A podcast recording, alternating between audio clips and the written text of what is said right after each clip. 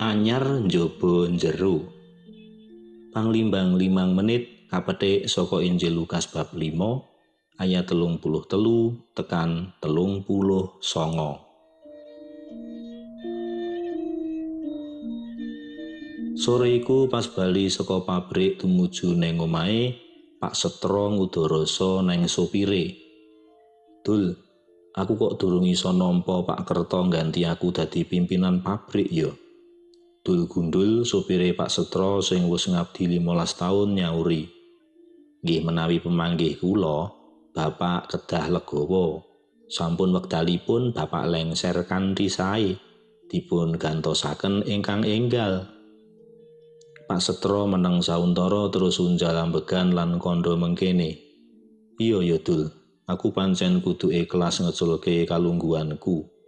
Ora mung saka tuturku, nanging trusing batinku. Mung katone wae mau pas patemon kantor aku menehi selamat lan provisiat kanggo Pak Kerto. Nanging asline yo aku isih awel. Dul gundul guyu nyengenges karo kondo. Waduh, ngaten menika aranipun kebu mangan koro, tatu jero ora ketara. Pas setro mesem krungu omongane Dul Gundul lan Kondo.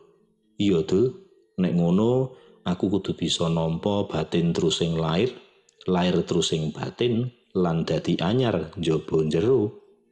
Dul celatu. Nah, kula sarujuk menika.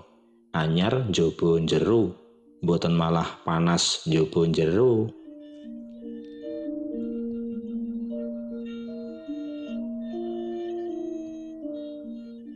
Pangandikane Gusti Yesus ing Injil dina iki kanggo wong-wong Farisi lan ahli Toret. Ora ana wong sing madai anggur anyar ana ing wadah sing wis lawas. Awit yen mengkono, anggur anyar mau bakal mbedahake wadah sing lawas mau.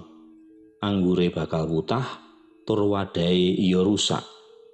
Anggur sing anyar pancen kudu disimpen ana ing wadah sing uga anyar.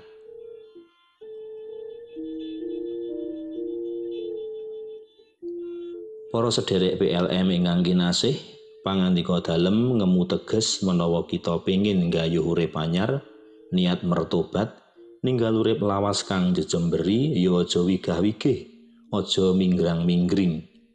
Urip lawas kang kebak dosa kanthi niat kuat ditinggal, aja disisakake saithik-ithika. Banjur urip anyar lakonana, melangkah maju lan aja nolah noleh maneh.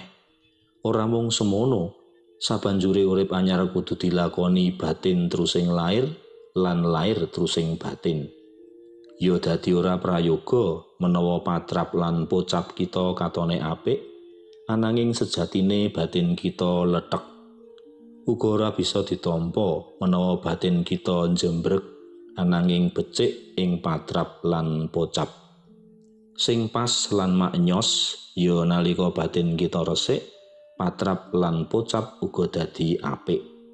Ngene iki sing diarani anyar njaba jero.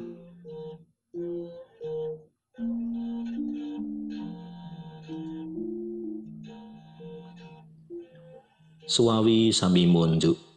Kuncu ing asma dalem yang Rama saha yang Putra tuwin yang Roh Suci. Amin. Gusti ingkang Maha Sae, mugi panjenengan dalem kersa nampi niat tobat kawula. Kawula pengin gesang enggal, inggih gesang ingkang suci, ingkang boten diregeti saking dosa.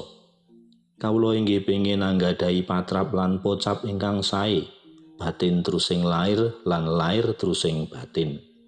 Kawula nyuwun panjenengan dalem kersa jagi kawula, lan ngrumat kawula kanthi kuat kuasaning yang roh suci supados tetep lan tansah sikap ing roh boten pasrah kalah nuruti kekajenganipun daging.